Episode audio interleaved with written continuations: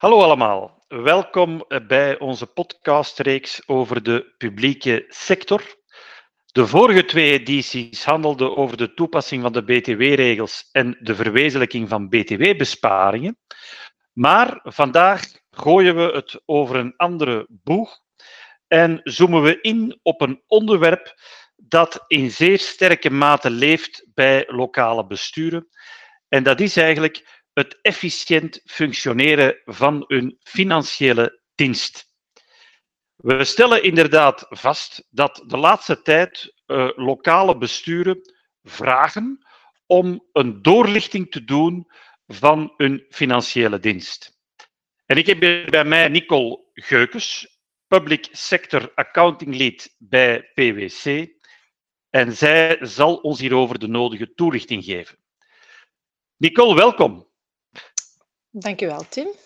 Hoe komt het eigenlijk uh, dat uh, lokale besturen vragen om hun financiële dienst door te lichten? Wat is daar eigenlijk de, de concrete aanleiding toe? Wel, Tim, er zijn nogal wat redenen die ertoe leiden dat lokale besturen hun financiële dienst wensen te laten analyseren of doorlichten.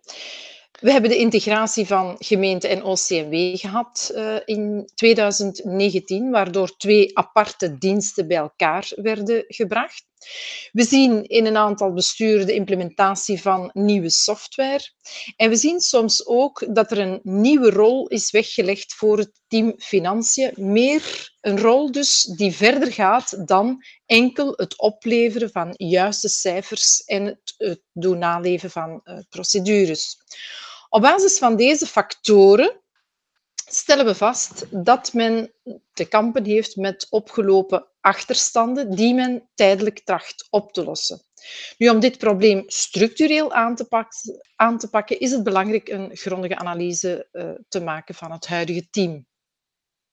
En, en wat is dan de verwachting van de lokale besturen als je uh, zo'n doorlichting doet?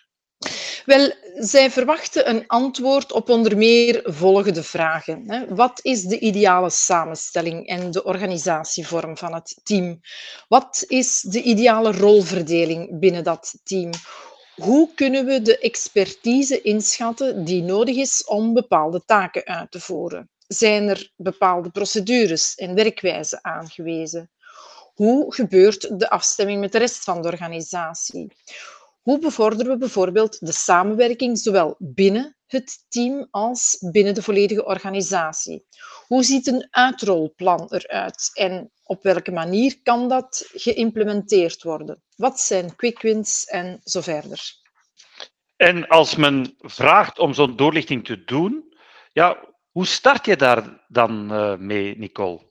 Wel, voor eerst is het belangrijk om de werking van de publieke sector en meer in het bijzonder de werking van de lokale besturen grondig te kennen. Op dit vlak hebben we natuurlijk vanuit onze organisatie PwC een flinke streep voor. We kennen de werking van de lokale besturen door en door en kunnen onze opdrachten benaderen vanuit verschillende disciplines: financieel, fiscaal, btw-technisch, juridisch en zo verder. Concreet pakken we dergelijke opdracht uiteraard gefaseerd aan. Hierbij starten we telkens met de kick-off fase. Deze kick-off fase is meestal tweeledig. Eerst hebben we het intakegesprek met de personen of deelnemers die het bestuur zelf bepaalt. In dat intakegesprek lichten we dan de verschillende fasen uh, toe van ons plan van aanpak, met daarbij de vooropgestelde timing. We geven de besturen daarbij op dat moment nog de mogelijkheid om de aanpak en de timing in gezamenlijk overleg en indien nodig en wenselijk nog bij te sturen. Het intakegesprek heeft tot doel de verschillende fasen en deliverables te valideren. In het tweede luik van de kick-off-fase worden dan de teams aan elkaar voorgesteld. Dus te zeggen, ons uitvoerend team wordt voorgesteld aan het team financiën waarmee we de opdracht gaan uitvoeren. En als uiteindelijk resultaat uh, bekom je dan de situatie zoals ze nu is. Dat klopt, inderdaad. Uh, Tim, we bekomen dan de as-is-situatie. We krijgen hierdoor een visie op de huidige rol van het team en van de teamleden binnen het lokaal bestuur, als ook de verdeling van de verantwoordelijkheden. Op basis van het werkvolume dat we gemeten hebben, kunnen we dan ook een beeld vormen van de gewenste personeelsbezetting met daaraan gekoppeld de nodige competenties. En dan hebben we de situatie as is in kaart gebracht. Natuurlijk zal het lokaal bestuur dan ook wensen te weten wat de uiteindelijk gewenste situatie is. Hoe, hoe ga je dan die overgang doen, Nicole, van de situatie zoals ze is naar de situatie to be of de gewenste situatie? Wel effectief. In die volgende fase gaan we dan over naar het uitwerken van de to-be-situatie. Met andere woorden, dus hoe het team er zou moeten uitzien om de dienstverlening aan de interne en externe klanten te verbeteren. We focussen ons daarbij op verhoging van het organisatieinzicht, wat leidt tot proactieve, inzichtelijke beleidsondersteuning en zorgen tegelijkertijd voor compliance risicobeheer en naleving van regelgeving en controles. En ook efficiëntie, efficiënte transactieverwerking en rapportering.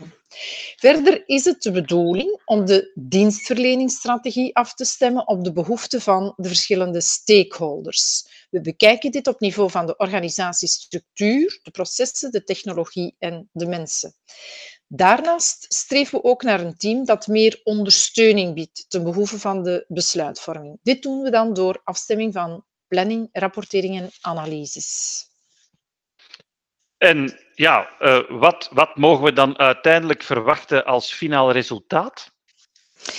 Wel, als finaal resultaat leveren we een beeld op qua samenstelling en organisatievorm van het nieuwe team met een duidelijke rolafbakening. We vullen dit aan met een competentiematrix en een voorstelling van de aangewezen procedures en werkwijzen.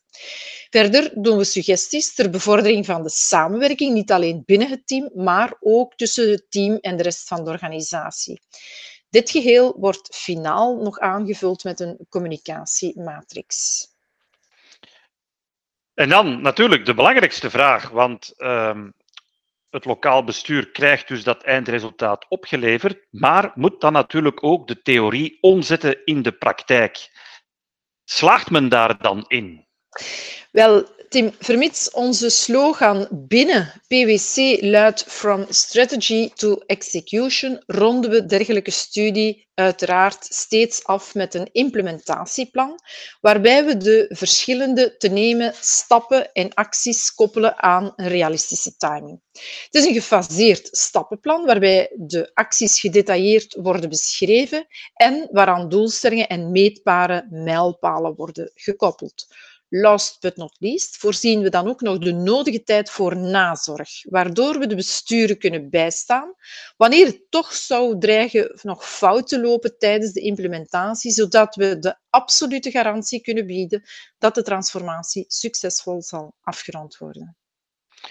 Kan je zo een, een inschatting maken, Nicole, van de duurtijd van zo'n opdracht, van zo'n doorlichting, van de start tot de, de eventuele nazorg? Wel, voor een gemiddeld bestuur ramen we dit op een twintigtal maandagen. Oké. Okay. Dankjewel, uh, Nicole, voor, uh, voor deze heldere analyse. Jullie zijn ook allemaal bedankt om uh, deze podcast te beluisteren. En ik nodig jullie graag uit op onze volgende editie.